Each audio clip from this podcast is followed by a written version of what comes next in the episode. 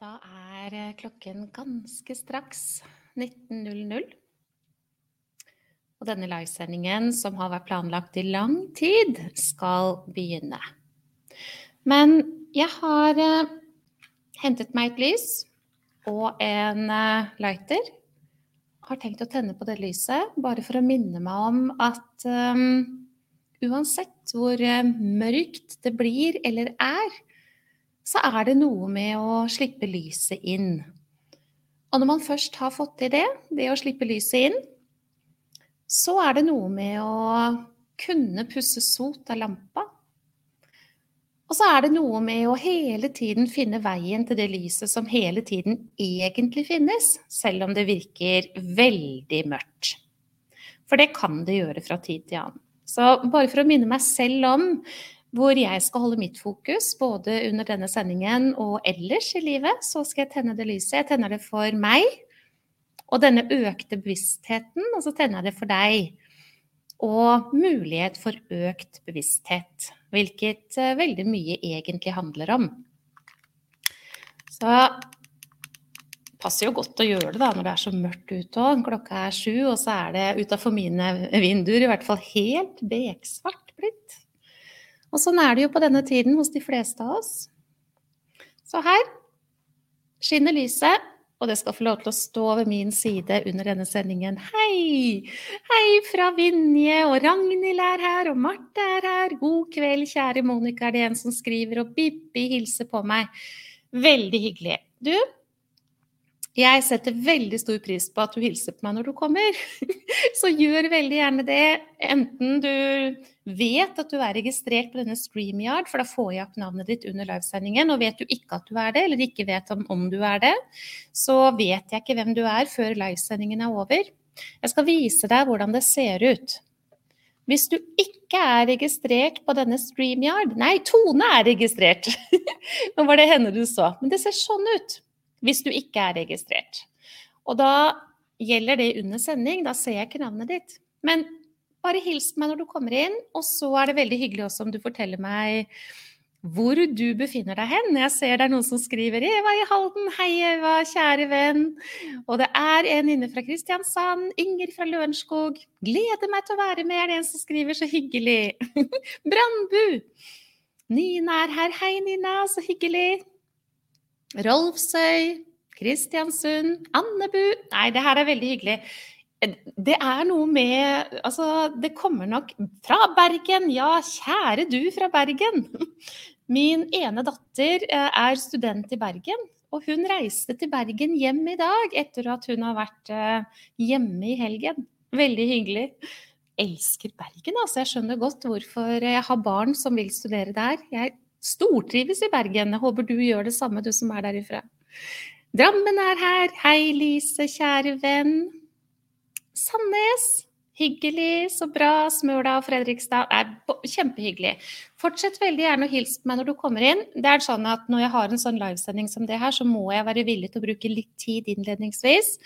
Bare noen få minutter av din tid nå, lover. Ikke veldig lenge, men det er bare fordi at det er ikke alltid så lett å finne frem til sending. Og hvis man, hvis man, er i gruppa når sendingen begynner, så kan det også hende at man ikke får den opp. Og må ut og inn igjen, eller trykke på refresh på, på siden og sånn. Det er noen sånne tekniske greier som man kanskje sliter litt med å finne ut av. Da tar det litt tid. Hei, Mette, Fredrikstad og Sarpsborg. Veldig hyggelig. Ganske mange som er liksom i nærheten av her hvor jeg holder til. Selv er jeg ikke fra Halden, jeg er født og oppvokst i Oslo.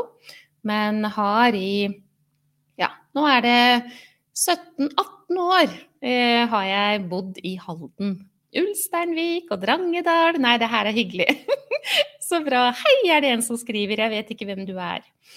Men det er altså sånn, bare for å gjenta det, eh, dersom du ikke er registrert på denne eh, StreamYard, som jeg sender igjennom, det er en sånn tjeneste, nettjeneste som sikrer egentlig at uh, sendingene går sånn noenlunde greit, uten sånne tekniske greier som kan skje.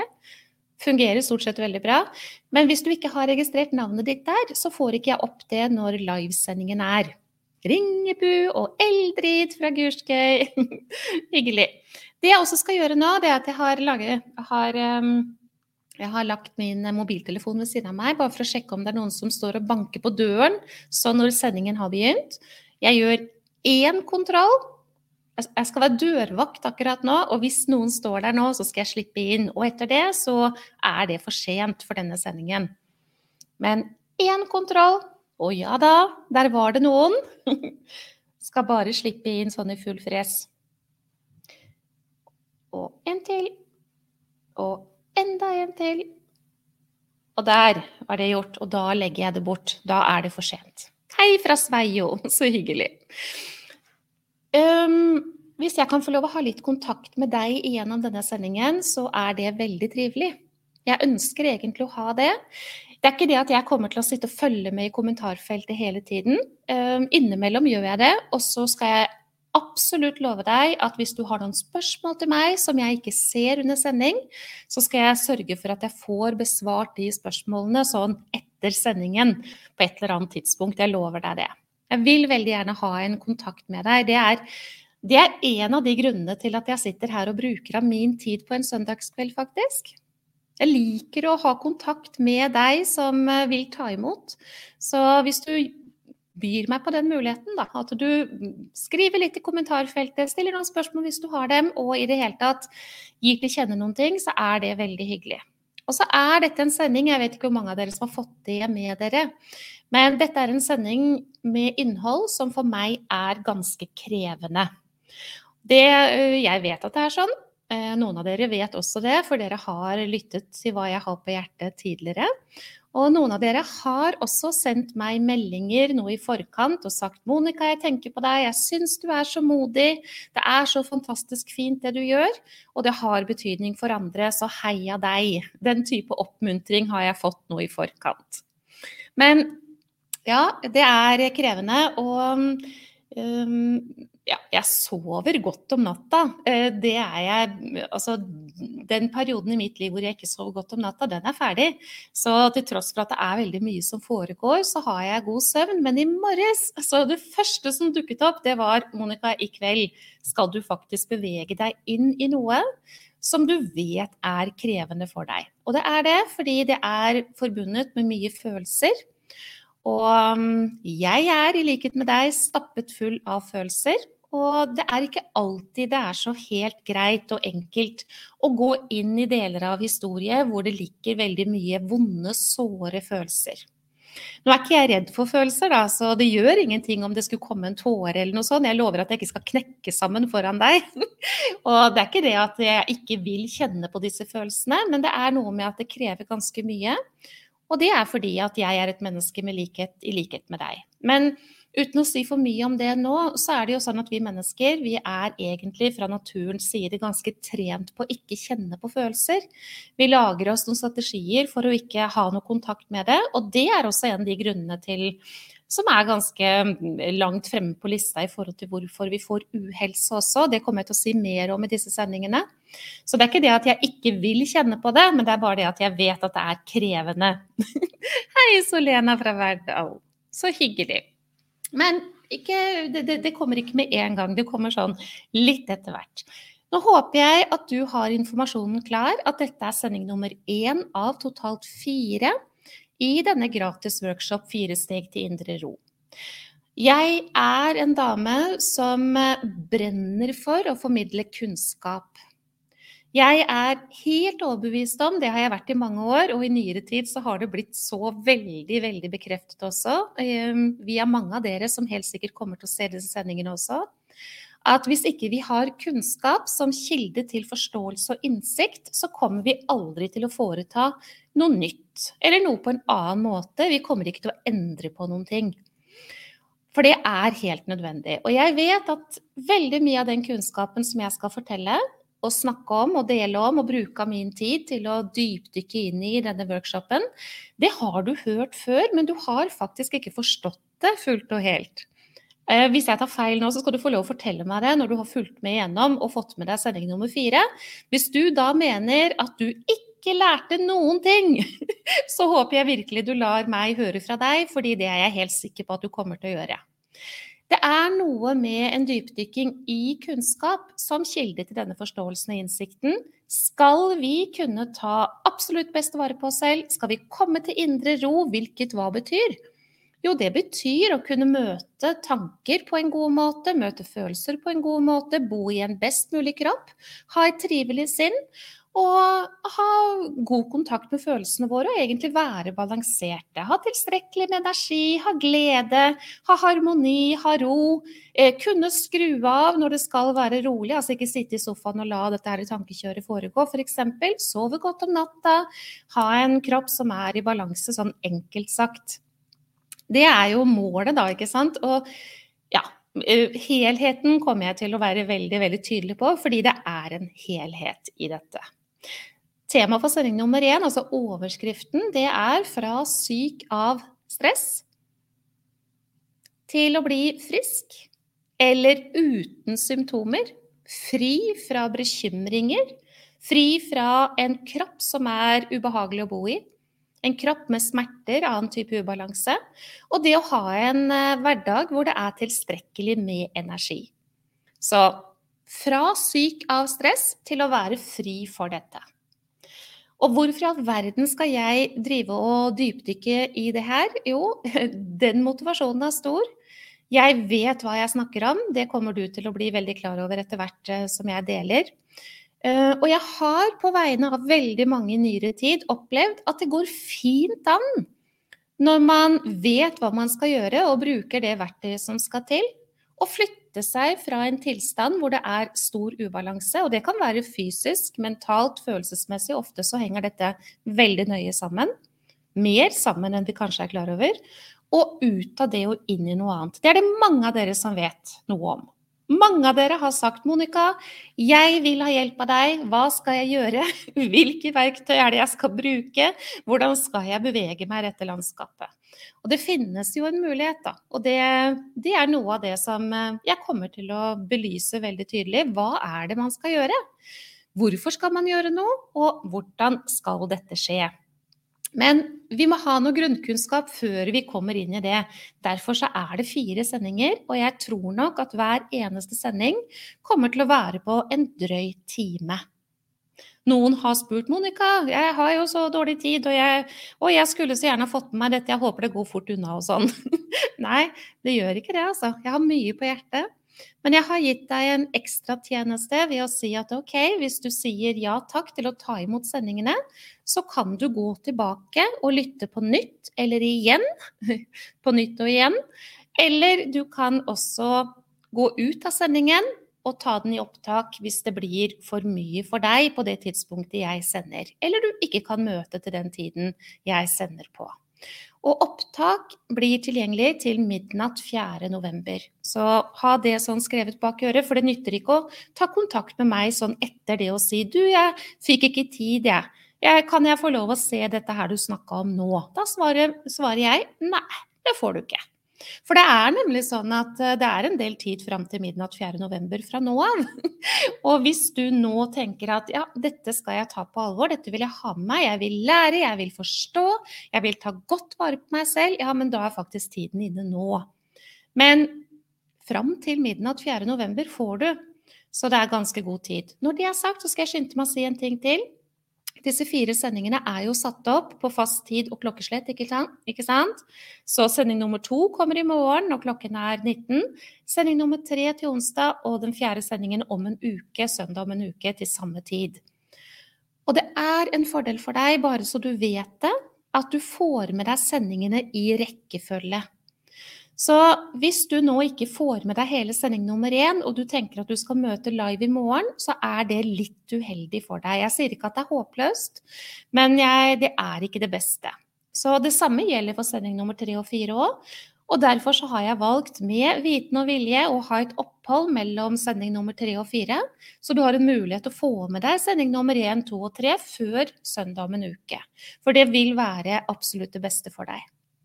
Og så har jeg Skal vi se, hvor gjorde jeg den, den Nei, den har jeg ikke tatt med meg. Jeg har jo lagd et sånn arbeidsark til deg, vet du. Og det er fra hjertet mitt en gave som også vil gjøre at eh, det som kommer i denne workshopen, blir av størst betydning for deg. Den finner du på siden her. Hvis ikke du har funnet den, så ligger det som en PDF, og det ligger også som et bilde. Og det kommer til å fortsette. Du får tilgang på arbeidsark før hver sending. Jeg vil på det varmeste anbefale at du tar imot dem. Jeg vet, hva du skal, vet, vet også hva du snakker om, sier Marte. ja. Eh, takk, Marte. Jeg er veldig glad for at du er her. Jeg er veldig glad for å, å, se dere som vet hva jeg snakker om her inne også. For eh, ja, det tror jeg kommer til å ha betydning for noen andre etter hvert som, uh, som denne livesendingen skrider frem, og også workshopen. Men ta med deg arbeidsark. Det var uh, min varmeste oppfølging. Jeg er supertakknemlig for at du vil ta imot. Og jeg håper å høre fra deg. Er det noe du lurer på, så fortell meg det. Er det noe av det jeg sier som gjør noe for deg, så fortell meg om det. Eh, ha en eh, kommunikasjon med meg underveis i denne workshopen. Det, det, jeg har lyst til det. Jeg har lyst til å ha kontakt med deg, så om du kan by meg på det, så er jeg veldig takknemlig. Denne workshopen er for deg som eh, nå er i en tilstand hvor du har blitt klar over at det ikke er som det burde være. Det kan f.eks. være symptomer som at du har mindre glede enn du skulle ønske, at du ikke føler deg restituert om morgenen, at du ikke sover så godt, at du har mindre energi, det vil altså si at du føler ikke at energien strekker til gjennom dagene dine, at du har smerter, kanskje har du plager med fordøyelsen, kanskje merker du at du har vanskeligheter med å konsentrere deg eller huske, altså hukommelsen din. Kanskje har du gjentakende infeksjoner. Kanskje er det ulike utfordringer i forhold til søvn. Det kan være over tid, men det kan også være litt sånn av og på at denne søvnen er forstyrret, eller ikke slik som du ønsker deg det. Én ting er å ikke være restituert om morgenen og ha sovet hele natta, det er også et symptom. Men en annen ting er jo det å enten ha vanskeligheter med å sove, eller våkner mange ganger om natta og sliter med å sovne igjen, f.eks. Det kan også være at du kjenner deg igjen i at du har liten tålmodighet. At du blir lettere irritert, at frustrasjonen tar overhånd, at du kanskje blir sinna også. Mer enn du skulle ønske, og at du sitter igjen med noe dårlig samvittighet eller noe sånt. Den er ganske typisk. En veldig lei situasjon. Den er ikke god å være i det hele tatt. Det kan også være at du har symptomer på angst denne fysiske reaksjonen hvor det snører seg sammen i kroppen, at det sitter en klump i magen, at du stadig bare kjenner at du har litt lyst til å flykte, at eh, pulsen øker kjempehøyt og du ikke føler at du får puste, f.eks. i verste fall. Kanskje du også har hatt angst såpass lenge eller symptomer på det at livet ditt har blitt veldig begrensa. At hvis jeg gjør det, så kan jeg ikke, da blir det sånn og sånn. Og hvis jeg gjør det, så kommer jeg til å få det sånn, og da er det tryggere at jeg lar være og sånn. Det kan jo hende du kjenner deg igjen i det. Noen gjør det. Kan også hende du kjenner deg igjen i at du er mer nedstemt enn du skulle ønske. Det er ikke, som jeg var inne på i stad, så mye glede. Kanskje er det i det hele tatt ganske mørkt. Kanskje er det sånn at du lurer på om det skal fortsette å være på denne måten, og hva er vitsen, liksom? Hva er vitsen med å ha det sånn? Er det sånn her det skal være å være meg? Skal jeg ha, ha det sånn her? Det kan være at du kjenner deg igjen i å ha diverse kroniske lidelser. Uansett hvilken type, så vil dette også være for deg. Det er med sikkerhet sånn. Kanskje kjenner du at du er mer sårbar og nærtagen.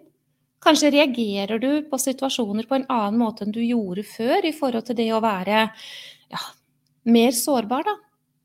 Kanskje du er enda mer sårbar i forhold til hva som skjer rundt deg. Mennesker som gjør slik og sånn og sier slik og sånn og ikke gjør ditt og sånn og sånn. At du bare blir enda mer påvirket av det enn du har gjort før. Det kan tenkes. Det kan også være at du kjenner deg igjen, at ikke du føler deg god nok. Eller sagt på en annen måte, at du driver og strekker deg i alle retninger. At du har en sånn eh, liten en som løper etter deg, som sier at du må få til enda mer. At du må klare og klare, og du strekker ikke til hvis ikke du får til. At du må si ja til alt og alle. At det å si nei, det er forbundet med noe som ikke er ålreit for deg i det hele tatt, så du lar være. Men du vet kanskje innerst inne at dette blir feil. Det kan hende du kjenner deg igjen i det også. Det kan også hende du kjenner deg igjen i at du har en god del frykt for noen ting. At du har massevis av bekymringstanker, og at kanskje mange av dem er det som jeg vil si er frykt- eller redselstanker. Nå var jeg innom både symptomer i forhold til hva kroppen vår forteller, f.eks. For da hjertebank, det snører seg sammen, eller smerter hit og dit, eller betennelser eller infeksjoner. Litt sånn typisk, egentlig. Og så var jeg innom tankene i forhold til det å være nedstemt, det å ha mindre glede, i det å ha tankekaos, tankekjør. Og så var jeg innom det som har med emosjoner å gjøre. Nærtagen, sårbar, f.eks. Mer irritert, mindre tålmodighet. Nå har jeg egentlig ramsa opp veldig mange av de typiske symptomene som kroppen vår byr oss på.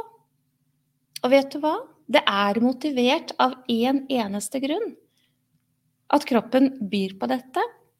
Og det er at du skal forstå at det er et signal på at du lever livet ditt på en måte som du ikke tåler. At du tenker på en måte innimellom som ikke er bra for deg.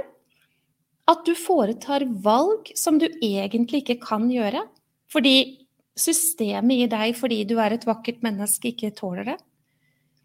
Du bor og bare merk deg dette, fordi jeg kommer sikkert til å gjenta det, men det er superviktig at du bare suger til deg det jeg sier akkurat nå, og lar det få lov å modnes i deg, den uttalelsen som kommer nå. Og det er at du bor i en helt fantastisk kropp. Den prøver å fortelle deg, den prøver å guide deg, men hvis du ikke har kunnskap, mulighet til å forstå, du stopper ikke opp, du, du, har ingen mulighet til det, tror du. Du tror at du må fortsette å leve livet ditt sånn som du har gjort.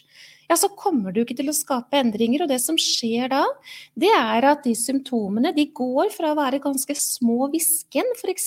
bare en liten sånn åh, i nakken, eller litt mer sliten, eller litt mer tårer, eller litt mer tankekaos. Går fra noen sånne små greier til å bli stadig mer tydelig. Og i enden her så venter faktisk det som ingen av oss vil ha. Det ender opp i en forferdelse. kan du veldig gjerne gjøre. Og der sitter vi med ganske mange symptomer ofte, som gir oss diagnoser. Så kjære venn, bare noter det ned på et ark. Jeg håper du sitter med penn og papir, forresten. Jeg glemte å si det jeg sa. Det er lurt. Jeg bor i en helt fantastisk kropp. Alt det som den gir meg, vil forsøke å lede meg på rett vei i mitt liv, men jeg trenger å forstå hva signalene betyr. Og for å si det sånn Hadde jeg visst det en del, for en del år tilbake, så hadde nok ikke jeg sittet her og møtt deg nå. Jeg hadde ikke hatt noe å dele med deg. Fordi jeg hadde heller ikke fått den erfaringa jeg fikk, som gir min motivasjon til å dele. Men jeg var, i likhet med de aller fleste mennesker, plassert på et sånt sted i mitt liv opp igjennom at jeg trodde at det som jeg opplevde, det, sånn måtte det være å være meg, på en måte. Og så var det en kraft i meg som kjørte meg videre. Kunne ikke stoppe dette hamsterhjulet. Kunne ikke foreta noen endringer, trodde jeg. Kunne ikke se noe på en annen måte, kunne ikke tenke på en annen måte. Og det å akseptere hva som hadde skjedd, som ikke skulle ha skjedd, det var veldig langt unna hva jeg holdt på med i mitt liv. Hvilket jeg etter hvert skjønte at var helt nødvendig. Som et eksempel. Det fins mange av dem, og jeg kommer til å komme inn på veldig mange. Denne workshopen er ikke for alle.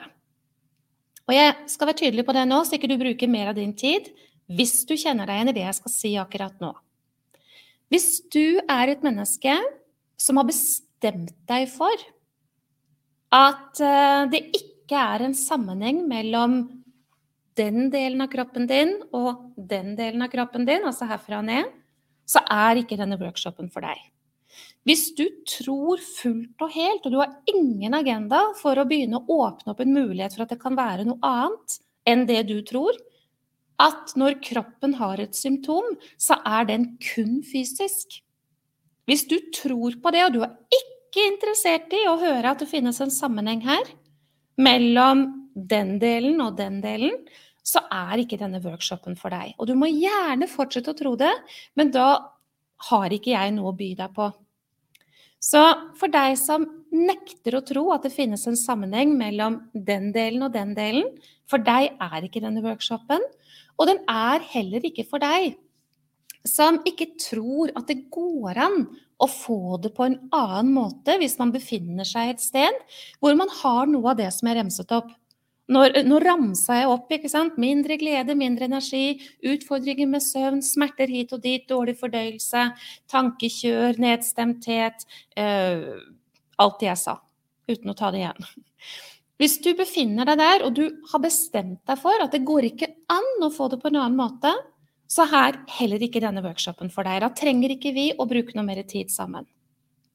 Og så har jeg lyst til å legge til en gruppe til. Denne workshopen er egentlig heller ikke for deg som stadig har gjort, gjør i dag og kommer til å fortsette lete etter quick fix. Hvis du er en av de som tror at quick fix er hva som skal til for å leve et liv i fullstendig balanse, med indre ro og glede og energi, og bo i en best mulig kropp og ha det nydelig på alle mulige måter Hvis du tror at det skal løses ved en quick fix, ved et verktøy eller to, altså enkle deler den skrutrekkeren og den hammeren, de to der, det skal liksom løse dette, så er heller ikke denne workshopen for deg. For jeg kan love deg, det skjer ikke. Så hvis du vil fortsette å tro at det skal skje, så vet jeg heller ikke om du vil få så veldig mye ut av å høre på meg, egentlig. Det er nemlig ikke sånn, og det tror jeg at kommer til å bli veldig tydelig gjennom disse sendingene. Arbeidsarket ligger på FB. Det er noen som lurer på hvor du kan få arbeidsark. Antagelig enkle grep. Ja, det ligger på siden her. Så ikke Arbeidsarkene ligger i gruppa, sier Lise. Ligger lenger ned på siden. Du trenger bare å scrolle deg ned på veggen. Men ikke gjør det nå under sendingen. Ta og heller vent til etterpå, så finner du det arbeidsarket. Og hvis ikke du skulle finne det, så må du bare si ifra til meg. Send meg en e-post eller noe sånt, så skal jeg sende det til deg. Men let på siden her først, for det er lagt ut. Det er lagt ut både som en PDF-fil og som et bilde, for å sikre meg at du har muligheten til å få det. Ja, du. Fire steg til indre ro. Finnes det? Det gjør det. Jeg har for ganske kort tid siden gitt deg fire video. Kanskje du har fått det med deg, kanskje ikke. Hvor jeg bare har ramset opp hva de fire steg er, og så har jeg snakket litt om det. Jeg håper at du har fått med deg de videoene. Har du ikke, så går det greit. Men hvis du har fått det med deg, så vil disse sendingene i workshop gå i dypet på dette. For det er fire steg til indre ro. Men hvis du tror at det skal være sånn quick fix og enkelt penkelt og ett verktøy skal være nok og sånn, så kan jeg dessverre bare si med en gang at sånn er det ikke. Det er en jobb som må gjøres. Man må ha et kart og man må ha et verktøy, men den verktøykassa den består mer av en kjapp løsning. Er, det, det, er, flere ting som skal til enn en sånn én kjapp løsning. Så ikke, ikke, ha den innstillingen. Du kommer aldri i mål hvis du skal eie den innstillingen. Sagt fra mitt hjerte til ditt, rett og slett. Jeg er nødt til å fortelle deg hvor jeg befant meg for noen år tilbake. Eh, for å kunne liksom by deg på det jeg tenker at du trenger å få i denne workshopen. Og det er ganske krevende, som jeg nevnte i stad, men jeg skal gjøre det. Og jeg gjør det med noe større letthet når jeg vet at det er noen mennesker her inne nå som lytter til meg, og som har lyttet til dette før, og som støtter meg og sier, Monica, hadde ikke du delt din historie når du gjorde det, så hadde jeg aldri kommet dit hvor jeg er nå, hvor jeg kan håndtere mine tanker, jeg kan møte mine følelser, jeg har det helt annerledes i kroppen min. Tenk deg det, Monica, jeg har ikke smerter lenger, det har jeg hatt i 20-30 år osv. osv. Hadde ikke du delt, så hadde det aldri skjedd. Og de sier også at ved at jeg deler, så blir det tillit til det jeg formidler. Og når det er sånn, så må jeg være villig til å dele. Og derfor så gjør jeg det, men det krever. men mitt hvorfor er veldig stort, da. Hvorfor er rett og slett mennesker trenger ikke å lide for stressrelatert problematikk. Og det kommer til å bli veldig tydelig for deg at veldig mye er stressrelatert problematikk. For vi skal jo, eller jeg skal i løpet av denne sendingen her besvare hva stress egentlig er. Og hvordan kroppen og sinnet og følelsene sier, eh, ifra at man har for mye langvarig stress, det har jeg egentlig allerede nevnt. Men jeg skal sy det sammen sånn mot slutten, da. Jeg før jeg går inn i min historie, så skal jeg bare for ordens skyld, for det har jeg så lett for å glemme, og jeg holdt på å glemme det nå òg, men jeg skal gi deg en kort presentasjon av meg. Jeg tenker at det er høflig. Jeg glemmer jo at det kanskje er noen som får med seg disse sendingene som ikke kjenner meg fra før. Så en sånn skjematisk, hva sier man når man møter nye mennesker og skal gi en presentasjon? Hei, hei, jeg heter Monica.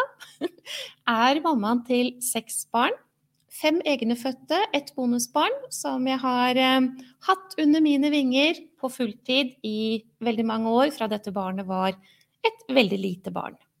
Så seks barn. Jeg er eh, samboer med Espen. Vi har nå fått en del år på baken sammen og har planlagt å gifte oss. Så det skjer ganske snart også, faktisk. Det ser jeg veldig fram til. Det tror jeg er eh, Ikke bare tror. Jeg vet at det skulle bli sånn, og nå er vi kommet dit. Så snart er jeg gift. Så da vet du det også. Jeg har vært gift før.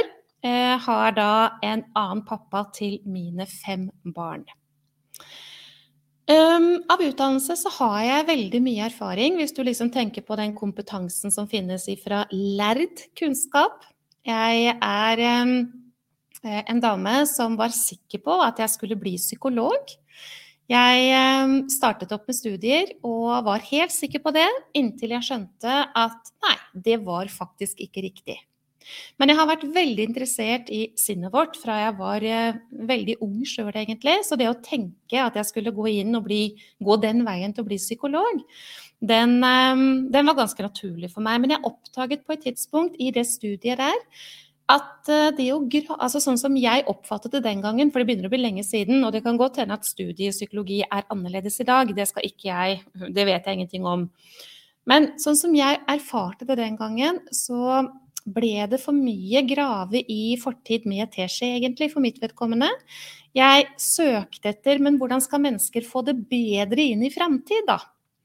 Hva er det fra fortiden de er nødt til å ha kontakt med for å kunne uh, altså slutte fred med, da, for å si det enkelt? Hvordan gjøre dette? Og hvordan gå i møte det som skal være der fremme, det livet man egentlig ønsker å le leve?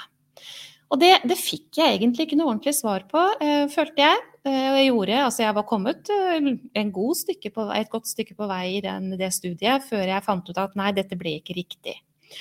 Og så gjorde jeg litt andre ting, jobbet litt og sånn, og så traff jeg mannen min og ble eh, stormende forelsket den gangen i verdens beste mann. Og tok litt andre valg, valgte bl.a. å være hjemme med barn i ganske så mange år. Og så valgte jeg å utdanne meg til å bli sykepleier. Stortrivdes med det. Syns det var fantastisk. Og da var det motivert av å skulle kunne gjøre forskjell for det mennesket, den pasienten, som jeg møtte. Og det følte jeg at jeg klarte i ganske så stor grad.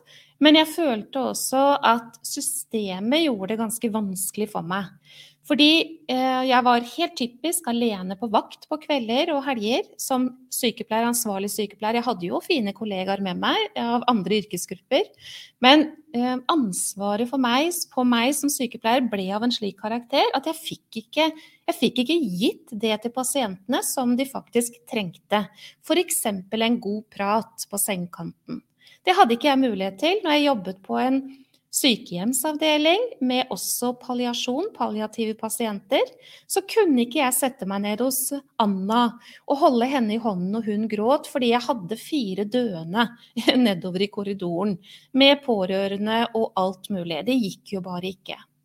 Og dette følte jeg at det sto jeg i. Det var akkurat som å stå i spagaten. Og jeg begynte å sove svært mye dårligere, og jeg gikk hjem med stadig dårlig samvittighet. Og det var i det hele tatt ganske trøblete i forhold til det greiene der. Men av erfaring masse, utdanning masse. Jeg har da i nyere tid, ja nå begynner det å bli ti år siden, utdannet meg til å bli mental trener. Og vet du, det er eh, opplevelsen av å komme hjem i forhold til dette med forståelsen av hvordan skal mennesker komme seg fremover, da? ja, vi må ha med oss noe fra fortiden, men hvordan komme seg fremover? Hvilket verktøy skal brukes her? Og det har jeg da tilegnet meg i forhold til den utdannelsen. Men verken det å bli mental trener eller, som jeg også ble for noen år tilbake, lærer og terapeut i medisinsk yoga, hvilket jeg elsker og vet er nødvendig for mennesker i vår tid. Absolutt. Det hadde ikke jeg gjort hvis jeg ikke hadde opplevd å bli veldig, veldig syk da jeg jobbet som sykepleier. Og det som skjedde, det var følgende. Jeg må ta deg tilbake til februar i 2010. Så det begynner å bli ganske lenge siden. Når vi kommer til februar nå, så er det 13 år. Det er eh, kan jo tenkes på som ganske lenge siden. Selv så opplever jeg det ikke som veldig lenge siden, men det har jo skjedd veldig mye på de 13 årene. Det har det jo gjort. Jeg hadde full fast stilling i kommunen. Jobbet som sykepleier på i den gangen eh, eldreomsorgen, men på en sykehjemsavdeling hvor det var palliative senger, som jeg nevnte i stad. Og så ønsket jeg egentlig å jobbe på sykehuset, men sykehuset, der kunne de ikke gi meg en 100 fast stilling, for det fantes ikke. Jeg fikk tilbud om en 80% stilling på kreftavdelingen, hvor jeg elsket å være. Men så lenge jeg ikke kunne få en 100% stilling, så kunne jeg ikke takke ja, fordi jeg hadde blitt alenemor til mine fem barn, og var nødt til å få ting til å gå i hop, også økonomisk. Og hvis banken skulle i det hele tatt ville snakke med meg, så måtte jeg legge fram en 100% stilling på bordet. Så det ble til at jeg jobbet 100% i kommunen, og så klarte jeg ikke å slippe tak i det som skjedde på sykehuset, for det var der jeg virkelig elsket å være. Og da jobbet jeg ekstra netter og helger på sykehuset. Så jeg jobbet veldig, veldig mye. Én ting var at jeg elsket å jobbe som sykepleier, men en annen ting var at jeg hadde et økonomisk spøkelse i hælene. Jeg var blitt alene oppi dette her med mine barn og sto i fare for å miste huset. Og det var Ja, det er en lang historie. Jeg hadde jobbet uh, helgevakter den helgen jeg uh, skal ta deg tilbake til nå. Jeg hadde hatt uh, ettermiddagsvakt, altså kveldsvakt på fredag, kveldsvakt på lørdag. Og um, Nei, dagvakt fredag, kveldsvakt lørdag, kveldsvakt søndag. Sånn var det. Og natt til mandag, da skjer det som jeg i nyere tid velger å tenke på som noe som måtte skje, og som på mange måter ble mitt vendepunkt. Og det har seg slik, kjære deg. Jeg kommer hjem fra kveldsvakt den søndagskvelden. Det hadde vært eh, veldig krevende den helgen på jobb. Det var mange dødsfall. Det hadde vært mye greier med pårørende og flere eh, krevende, vil jeg si, meget situasjoner. Men de var jo blitt håndtert. Og så kom jeg hjem den søndag kveld og bruker som alltid den gangen tid på å lande. Kunne ikke bare gå og legge meg, det gikk ikke. Jeg hadde hodet fullt av spørsmål. Hva har jeg husket, hva har jeg glemt? Eh, det skulle jeg gjort på en annen måte, det glemte jeg å si. At det kunne ha vært annerledes, og nå må jeg huske på det, og i morgen er det sånn og sånn. For jeg skulle på morgenvakt dagen etter, og det ble livsviktig for meg å komme meg dit for å avlegge rapport, selvfølgelig, på, på morgenen der. Og så kom jeg jo til å huske på også, hvilket jeg gjorde stadig oftere, at jeg hadde glemt å skrive slik og sånn i journalen. Og for meg den gangen så var det forbundet med noe som var helt forferdelig. Jeg har vanskeligheter med å sove. Eh, kommer jo i seng etter hvert. Vet jo at jeg snart skal opp igjen. I lang, lang tid hadde søvnen vært veldig trøblete. Det å sove godt om natta, det kunne jeg nesten ikke huske sist jeg hadde gjort.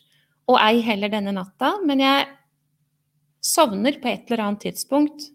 Ligger som en, i en døs, da, som man jo ofte gjør. Og så sovner jeg, og så våkner jeg litt sånn tidlig, tidlig på morgenen. Det var enda noen timer til jeg egentlig skulle opp og komme meg på jobb. Men da har jeg en tilstand i meg selv som er Ja, og når jeg tar deg inn der nå, så kommer disse følelsene. og det er helt greit, men jeg kjenner det nå i hele meg. Hvis jeg skal prøve å forklare tilstanden, så er det en uling i hodet samtidig som det er en stillhet. Og det var helt sjeldent for meg, fordi jeg hadde hatt et kaos i hodet over lang, lang, lang, lang, lang tid. Mange år. Jeg har ingen mulighet til å få kontakt med kroppen.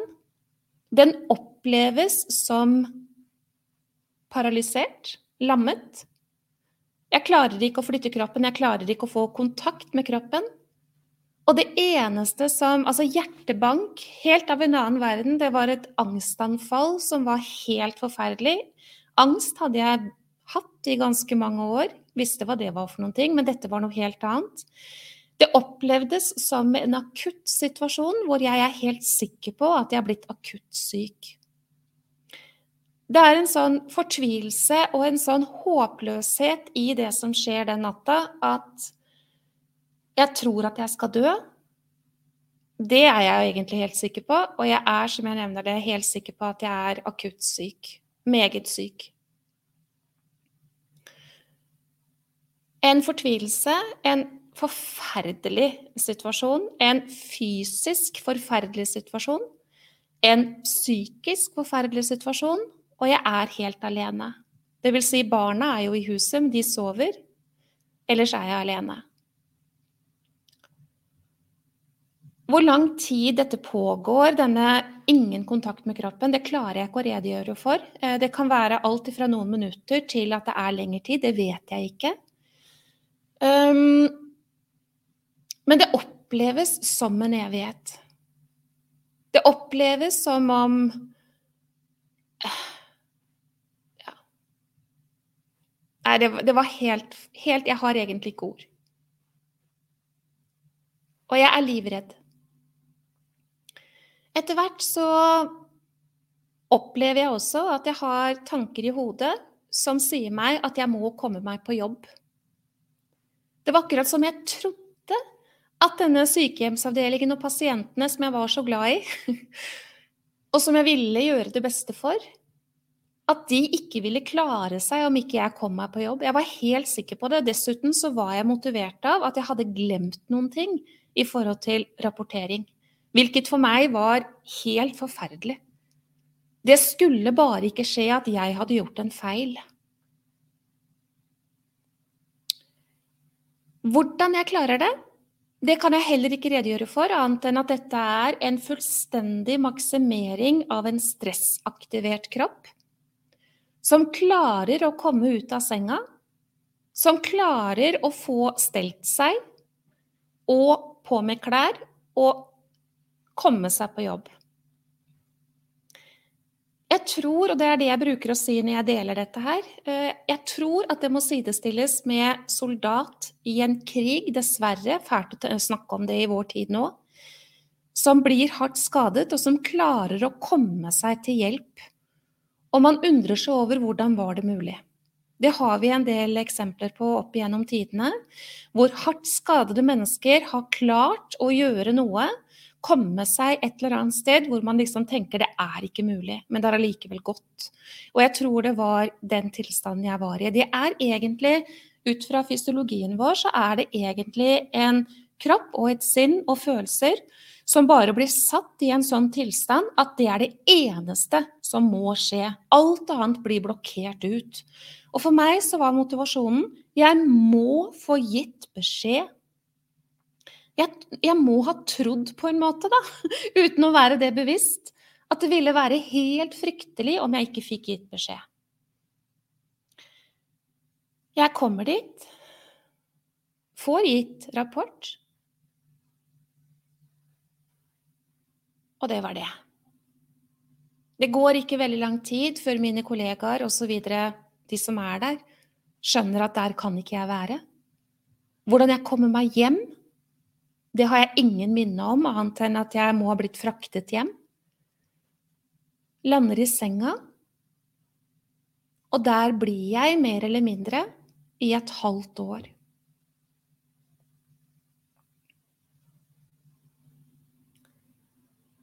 Og det er Takk, kjære som sender meg hjerter. altså hadde noen sagt til meg at det kom til å skje, jeg hadde aldri trodd på det. Absolutt ikke.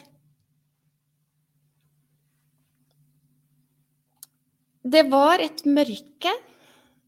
Det var fylt av angst. Jeg var dypt deprimert. Jeg fungerte overhodet ikke. Det var ingen system i min kropp som fungerte.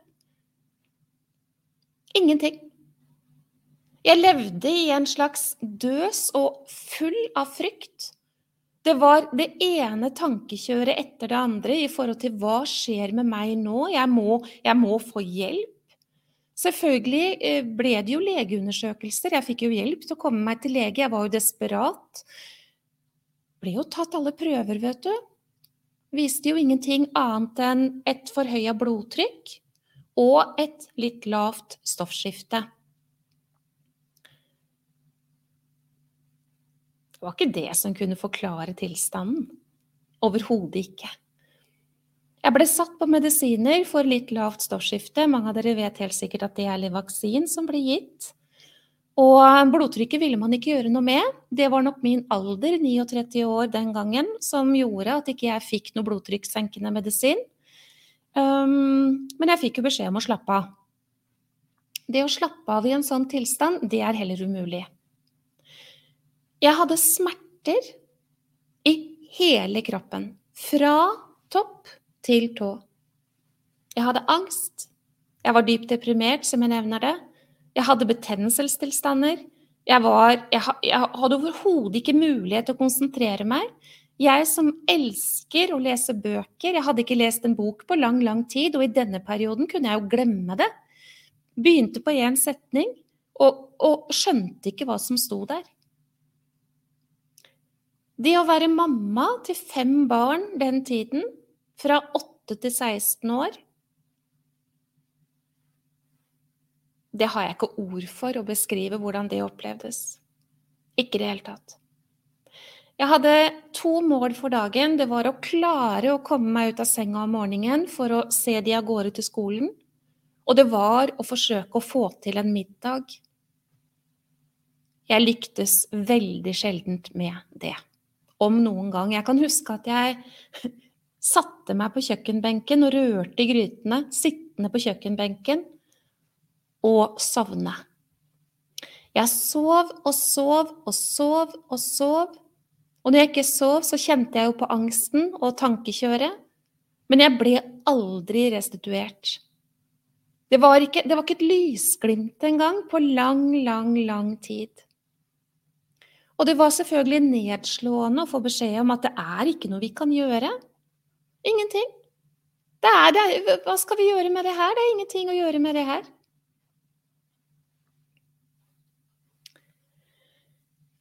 En forferdelig tilstand. Men vet du hva? Jeg var 39 år da det skjedde. Men historien til å komme dit startet 39 år før. Og da begynner virkelig det tunge, som jeg skal ta deg gjennom nå. Jeg skal gjøre det forholdsvis kort. Ellers så kan jeg snakke timevis om dette. Jeg sier til deg at det startet 39 år før. Jeg eh, fikk stress påført allerede da min mor bar meg. Jeg er eh, nummer tre i eh, en søskenflokk hvor mine foreldre ikke var fylt 25 når jeg kom til verden. Hvor det var fyll og fest og spetakkel. Hvor pappa allerede var blitt alkoholiker. Pappa med sin trøblete historie som lot det gå utover mamma, fysisk og psykisk hvor mamma absolutt ikke orket tanken på flere barn etter å ha fått mine to søstre med elleve måneder imellom. De, var, de er tre og et halvt og fire og et halvt år eldre enn meg. Men hun orker heller ikke å gå igjennom nok en abort. For den gangen så måtte man inn i en nemnd, vet du, med herrer som satt der og skulle vurdere om du fikk lov til å avbryte svangerskapet. Og det hadde hun gjort allerede noen ganger. Og hun klarte ikke en runde til. Så jeg blir født, fordi da ble moren min lovet at da kunne hun bli sterilisert etterpå. Og det er sånn, kjære du, at hvordan mamma har det i svangerskapet, det gjør noe med de tidligste, tidligste pregingene som setter seg hos det kommende barnet. Jeg sier ikke at det at mamma er lei seg, gjør noe slik eller sånn, men det er noe med sensitiviteten hos det barnet som blir til, og som kommer også, og så er det noe med hva er det som skjer videre. Jeg kommer da til verden under forutsetning av å ikke være ønsket, og det tror jeg må være det verst tenkelige scenarioet. Jeg eh, har ikke ett minne om å bli trøstet. Jeg har ikke ett minne om å bli elsket av min mor. Jeg har ikke ett minne om at jeg har noen plass. Jeg skulle egentlig ikke ha vært der. Og det er klart, det skal vi snakke mer om i de andre sendingene som kommer, hva det her egentlig gjør. da, altså Hvor, hvor, hvor det kommer ifra dette med stressmengde. For det, det starter her, da. Dette her er eh, Apropos det jeg snakket om i stad i forhold til psykologi. Det å grave i fortid. Vi må vite noe om det. Men ok, jeg vokser da opp under særdeles utrygge forhold. Det er fest og fyll og spetakkel hjemme hos meg. Jeg er barnet som eh, får veldig tidlig de første symptomer på at jeg ikke er i balanse. Jeg får atopisk eksem som liten jente. Og jeg husker jeg følte skyld i at jeg klødde meg selv til blods, så det ble blod på sengetøy og pysjamas. Husker jeg fikk kjeft for det var ikke så lett å få bort, vet du. Jeg var sengeveter. Og ikke bare sengeveter, men også den som vetet på dagtid, langt opp i skolealder. Og jeg gjorde alt jeg kunne for å skjule dette. Men vi bodde i tiende etasje i en høyblokk i Oslo med vaskekjeller i første etasjen, eller i grunnflaten. Og det var jo begrensa hvor mange truser jeg hadde, da. Hadde ikke så mye klær i det hele tatt, egentlig. Og hver gang det ble oppdaga at jeg hadde tissa på meg nok en gang, så ble det kjeft å få. Jeg følte at jeg var en byrde. Jeg var skamfull. Jeg trodde det var meg det var noe galt med. At jeg ikke var som jeg burde ha vært. I bunn og grunn så kan vi si det veldig enkelt. Alle barn har behov for du og jeg hadde behov for, og alle barn som vokser opp, har behov for å føle seg sett, hørt og forstått, og få ubetinget kjærlighet, hvilket er fullstendig aksept. Ingen dømming. Og det å bli møtt på behov, Det grunnleggende behov, og helst litt til. Jeg fikk ingenting av det der, det lå ikke til rette for det, det var ikke mulig å gi det til meg, fordi ingen mennesker kan gi noe de ikke har selv, og sånn er det. Det skjer veldig mye her. Veldig, veldig, veldig mye. Og jeg lærer meg jo til ulike strategier for å få oppmerksomhet. Og det førte til at uh, fra mammas side så ble jeg det vanskelige barnet. Fikk høre det hele tiden. Men jeg heldigvis valgte det motsatte av det som en del andre velger å gjøre. Jeg uh, blir uh, prestasjonsprinsessa. Jeg blir veldig flink. Jeg blir den som gjør og gjør og gjør for å få et lite fnugg av kjærlighet. Og det slår ut på alle bauger og kanter. Så jeg blir superflink på skolen, og det eneste jeg ønsker, det er at mamma skal på et eller annet tidspunkt gi til kjenne at hun er stolt av meg. Jeg kunne ha snakket lenge, jeg gjør ikke det nå. Jeg kjenner at jeg ikke kan. Jeg fikk aldri det jeg hadde behov for. Og det som skjer da, det er at frykt øker. Og frykt kan ikke vi stå i. Det er helt forferdelig å stå i frykt. Så vi finner strategier, og det gjorde jeg også. Og de typiske strategiene, bare få de med deg nå hvis dette er nytt og ukjent for deg. Men de typiske strategiene som mennesker utvikler, det er å være opptatt av prestasjon, Det er å være opptatt av fasade, det skal se ordentlig ut. Det er å være opptatt av perfeksjon. Det er å bli en people pleaser, hvilket jeg var i svært stor grad. Det er å bli konfliktsky, hvilket jeg også var i svært stor grad, som igjen fører til at man sier ja, ja, ja, ja, ja til alt og alle, og med det nei til seg selv. Tusen takk, Solena. Barnet Monica, som du viser til, hun har det bra i dag, for jeg har tatt jobben. Så jeg er i dag veldig, veldig glad for alt jeg har erfart. For jeg vet at hvis ikke jeg hadde fått alt det jeg har erfart, så hadde jeg heller ikke fått det jeg har fått. Og jeg føler meg veldig heldig. Og barnet Monica er i dag trygg.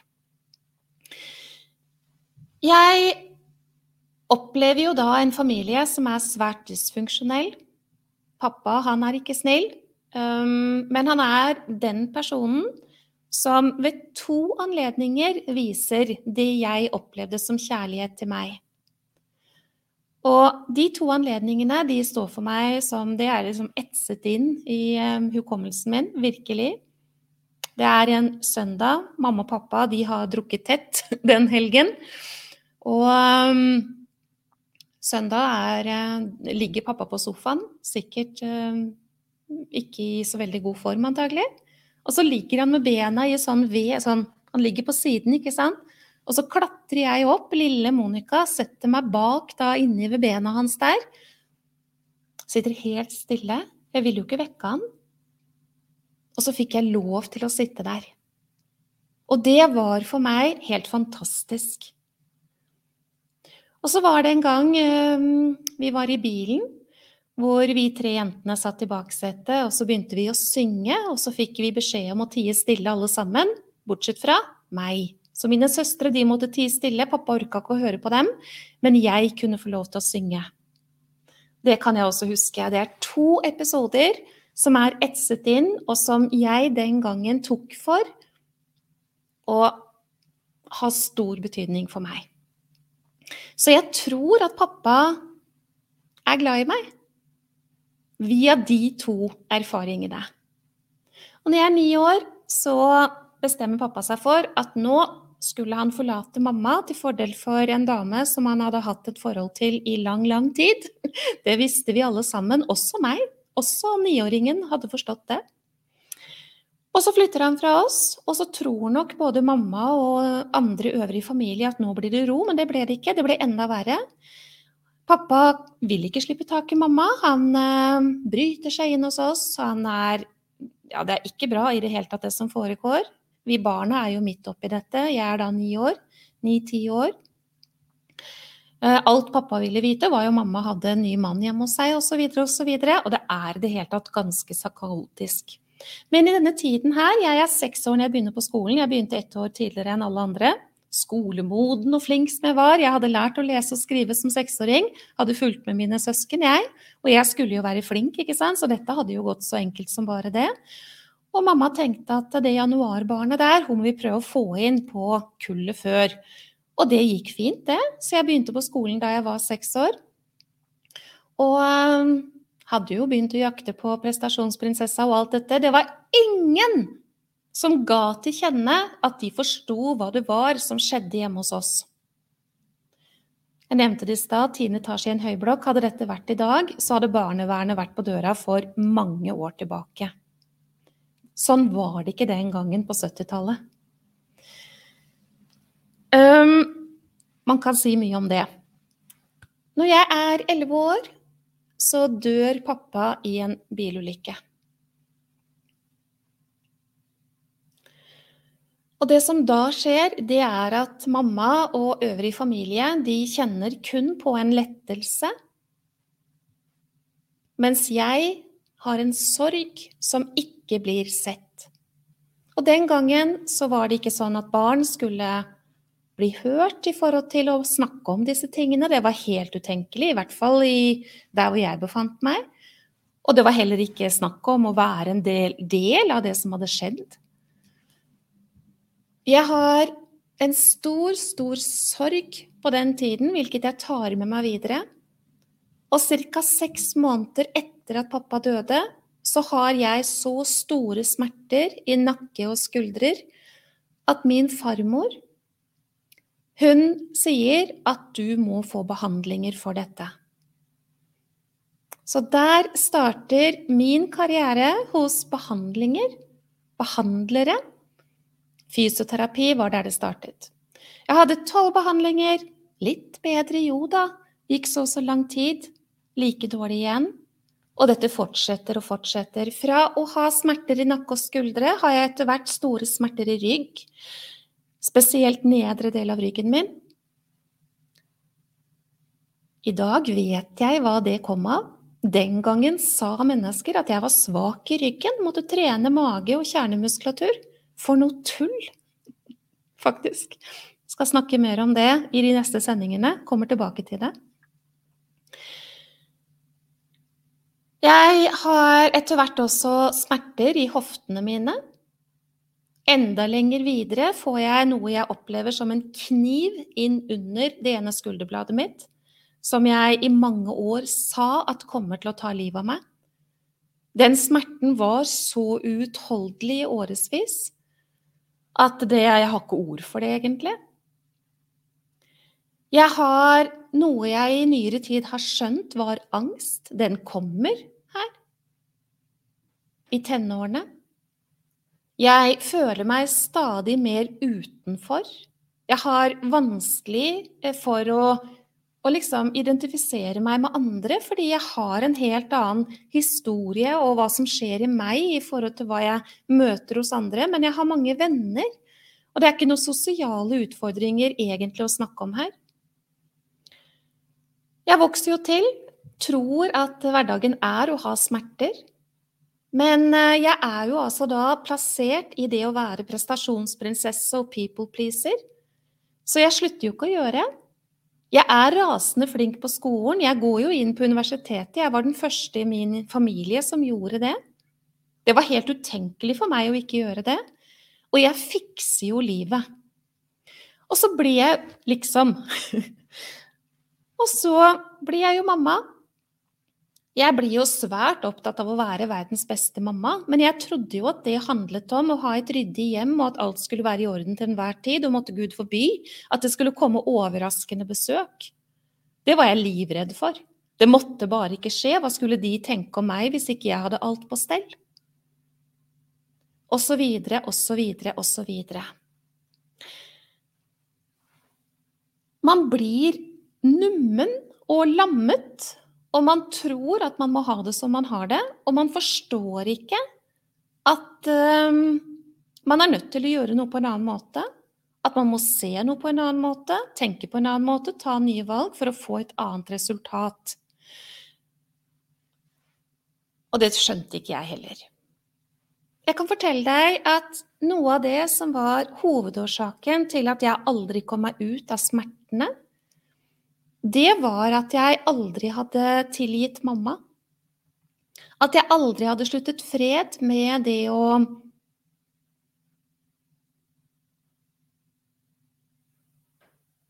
Ja, hvordan skal jeg si det? Sluttet fred med det som hadde skjedd meg. Akseptere.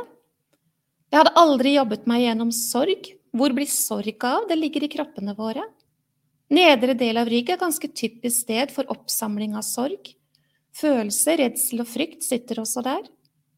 Jeg skal snakke mer om det i de neste sendingene. Du har bare fått liksom bilde av det nå.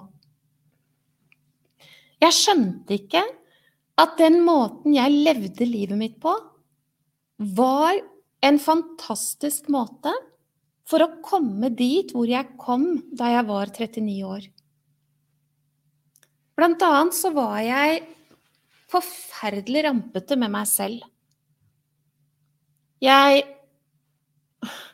hadde en indre dialog som var altså så slem at hvis jeg hadde sagt noe av det som jeg med den største selvfølge sa til meg selv, til et annet menneske Altså, det er helt utenkelig. Jeg trodde at jeg kom til å bli avslørt som ikke god nok hvert øyeblikk. Jeg var livredd for det.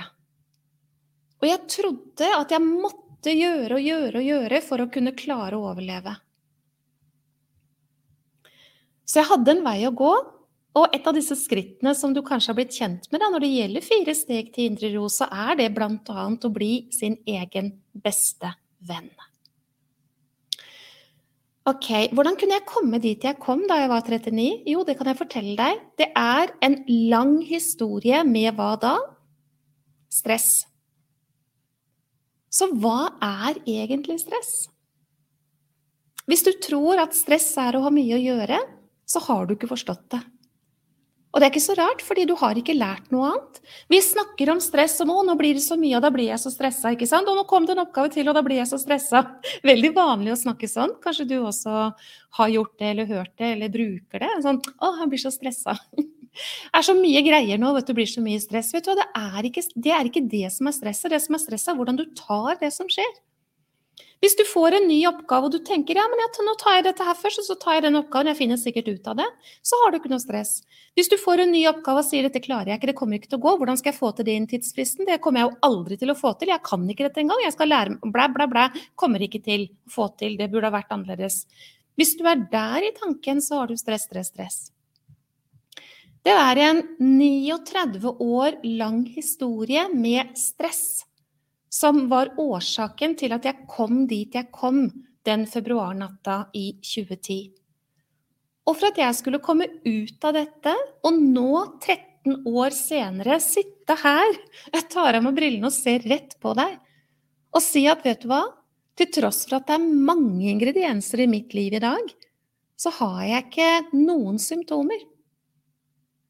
Hadde noen sagt til meg at jeg skulle kunne sitte her og si at sånn har det vært i mange år Fra å ha de symptomene som jeg fikk allerede da jeg var et barn, til å ikke eie noen ting av det i nåtid, og ikke ha hatt det på mange år, så må det jo være noe i det jeg har å fortelle deg, da. For det handler om å slutte fred med det som ble som det ikke skulle. Det handler om å ta valg som bekrefter egen verdi. Det handler om å våge å møte på en annen måte. Det handler om å bli sin egen beste venn. Det handler om å forstå hva stress egentlig er. For stress, det starter i tanken. Og 85% det har vært sagt i mange år. I nåtid sier man faktisk opp mot 95% av alle symptomer på uhelse, alle sykdommer altså, diagnoser er stressrelatert. Så da spørs det bare hvordan det slår ut, da. Så har man noe av dette som jeg ramset opp innledningsvis, eller har man da en diagnose som meget sannsynlig er stressrelatert? Hvordan skal man kunne få en endring i dette med mindre man får gjort noe med årsaken til stresset? Hvor alt stress starter i tanken. Det er altså vår egen modell av verden som er greia. Og da vil jeg si til deg, nå sa jeg det innledningsvis, dette er ikke for deg som lengter etter en quick fix. Det er ikke for deg som ikke skjønner eller vil forholde deg til, det er bedre sagt, at det er en sammenheng mellom herfra og derfra. For hvor kommer tanken? Her. Og den måten du responderer på dine tanker, hva du gjør med tankene dine, er fundamentet i hva som skjer i forhold til kroppen din. Og nå skal jeg bare si det veldig kort før jeg slutter av i dag, for det er der jeg kommer til å ta opp tråden igjen i morgen. Hva er det som skjer når du tror på f.eks. en bekymring? Eller du tenker den liker ikke meg. Hvordan skal jeg få til dette? Kommer aldri til å gå. Hvordan skal det, hvordan skal det bli framover? Jeg kan ikke akseptere dette. Kommer, jeg skulle ikke ha sagt det jeg sa. Nei, det mennesket så jo på meg. Er det mulig å gå kledd på den måten da, du? Jeg kan fortsette lenge. Men det som skjer med deg, det er at det sendes signaler til binyrene dine som skiller ut stresshormoner. De er tre stykker. Det er adrenalin, noradrenalin og kortisol. Og de har oppgaver i kroppen din. De er i første rekke ment å få deg til å bli klar for flukt, kamp eller frys. Det er stressaktiveringen i menneskets kropp. Det er bare det at systemet deg skjønner ikke om du sitter trygg hjemme i sofakroken og bare skremmer vettet av deg selv. Det holder med én tanke. 'Jeg er ikke god nok. Nå må jeg få til. Det passer ikke.' Hvordan, jeg, jeg strekker ikke til. Hvordan i all verden skal jeg klare dette? Hvordan skal det bli der fremme? Hvordan skal det gå med barna mine? Hvordan skal det gå med mamma? Nå skal det skje, og den Oi, nei, men nei! Så forferdelig alt er, eksempel. Én tanke er nok til å utskille disse tre stresshormonene.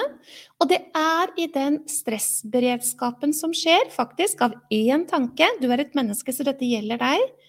Der er det kreert fysiologisk og mentalt og i forhold til emosjonene dine at du skal overleve. Og i den tilstanden, kjære venn, så skjer ikke et helsefremmende og forebyggende arbeid. Så når jeg snakker om hvordan, altså hvordan skal det gå da ved langvarig utskillelse, altså langvarig negativt stress, hvilket var det jeg var utsatt for, hvilket mange med meg, alle jeg hjelper, kjenner seg igjen i noe av det. Hvordan skal det gå med mindre man får satt foten på bremsepedalen? Så kroppen kan bedrive et helsefremmende arbeid. Og vet du hva, dette her er min største bekymring for mennesker i dag. For bare det å være en del av det som foregår i samfunnet vårt vi vet hva vi, altså, Jeg tror du vet hva jeg snakker om. Det er krig i Ukraina. Det er trusler. Det er økonomiske utfordringer osv. osv. Bare det å være en del av dette, så har vi i nåtid for stor stressbelastning. Og det kommer til å gi seg til kjenne, og det har det faktisk allerede gjort. Det er en gedigen oppblomstring av f.eks. bruk av antidepressiva tabletter og beroligende og sovemedisin. Det er bare det at det er ingenting av det der som kommer til å gjøre noe med årsaken. Det er et indre arbeid som må skje, og til det så trenger man kart og nøkler for å kunne få til det.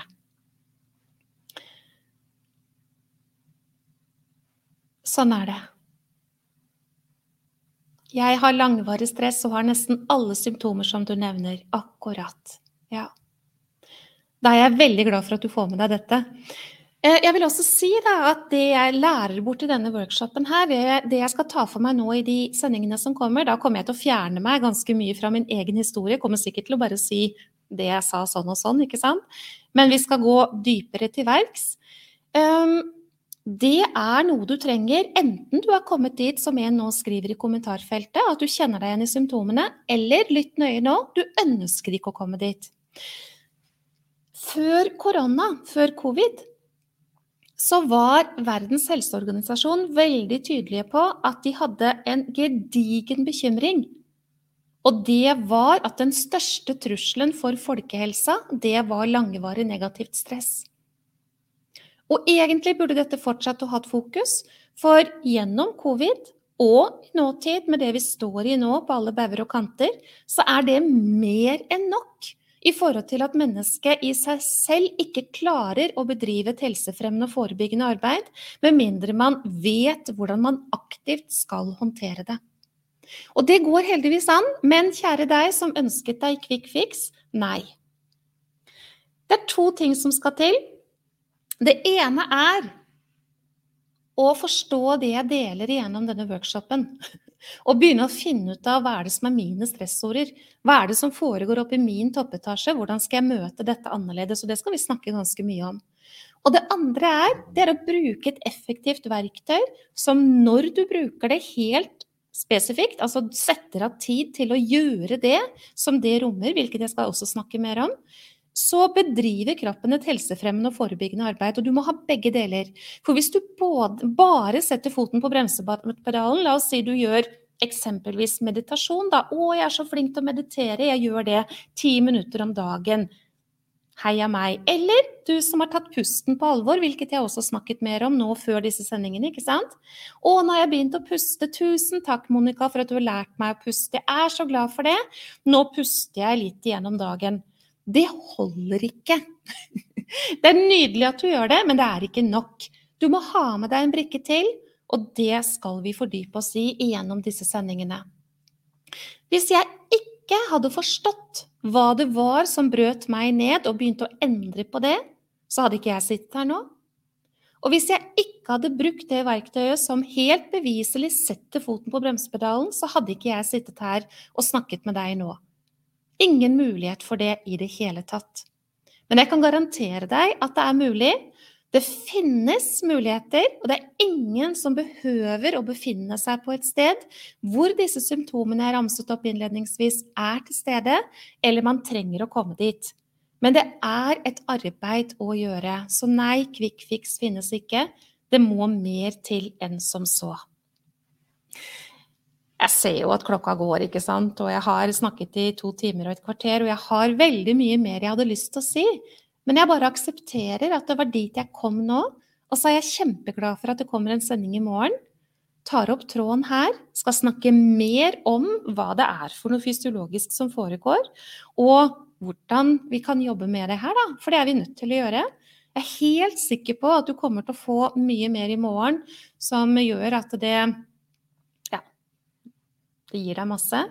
Ehm, det er jeg helt sikker på. Jeg håper at du følger med, fordi jeg vet at denne workshopen kommer til å gi deg mye. Og så har jeg lyst til å gjenta at grunnen til at jeg valgte nå å bruke så mye av din tid og dele min historie, det er motivert av alle de menneskene som har sagt til meg Monica, det gjorde en forskjell for meg.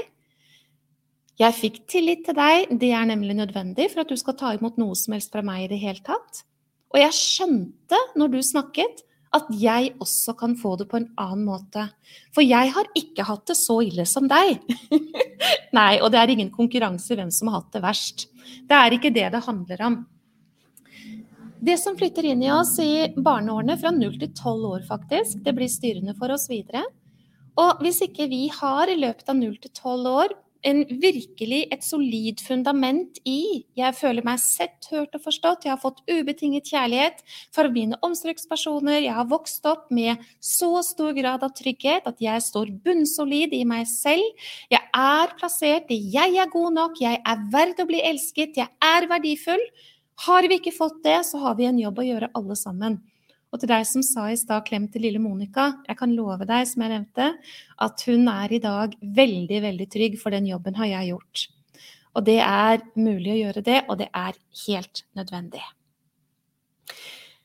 Jeg, eh, jeg, stopper der. Jeg vil bare igjen si, lurer du på noe, har du lyst til å spørre noe om noe, eller skrive noe til meg, så gjør du det. Jeg kommer til å lese. Jeg kommer til å svare hvis det kommer spørsmål.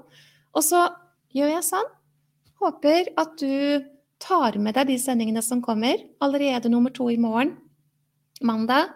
Nummer tre på onsdag, og så er den fjerde sendingen på søndag. Jeg kan love deg enormt av innhold og stor verdi. Se fram til fortsettelsen, er det en som skriver. Ja. Du, det er ingen mennesker som trenger å ha de symptomene jeg nevnte. Det er ingen mennesker som trenger å ha det. Det går fint an å gjøre noen ting, men vi er nødt til å vite hva vi skal gjøre, og vi er nødt til å prioritere oss selv for å få det gjort. Og det er noe med det der, da. Hvem er det som skal ta vare på deg, egentlig, hvis ikke du gjør det? Hvem er det som skal sette oksygenmasken på deg før du hjelper andre, hvis ikke du gjør det selv? Hvem er det egentlig? Hvorfor, hvorfor, er det sånn at andre mennesker har større verdi enn deg? Har, har, du tenkt på at hvis ikke du tar vare på deg, og du får disse symptomene, så klarer du ikke å være den beste for andre? Vi har en jobb å gjøre, og den er mulig å ta, og vi fortsetter på sendingen i morgen. Tusen takk, Ragnhild. Nå så jeg akkurat at du hadde skrevet i kommentarfeltet. En god hilsen til deg. Herlig. Da er jeg klar igjen i morgen, og klokken er 19.00. Eh, jeg gleder meg masse til å se deg. Ha det.